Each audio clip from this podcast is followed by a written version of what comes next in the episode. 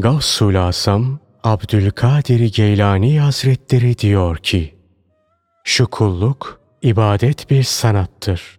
Onun ehli de amellerini ihlasla yapanlar, Allah'ın ahkamını bilenler, onunla amel edenler, marifetullah'a ulaştıktan sonra halkı işatla vazifelendirilenler ve nefslerinden, mallarından, evlatlarından ve Allah'ın gayri her şeyden geçenlerdir.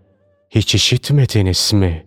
Resulullah sallallahu aleyhi ve sellem ne buyuruyor?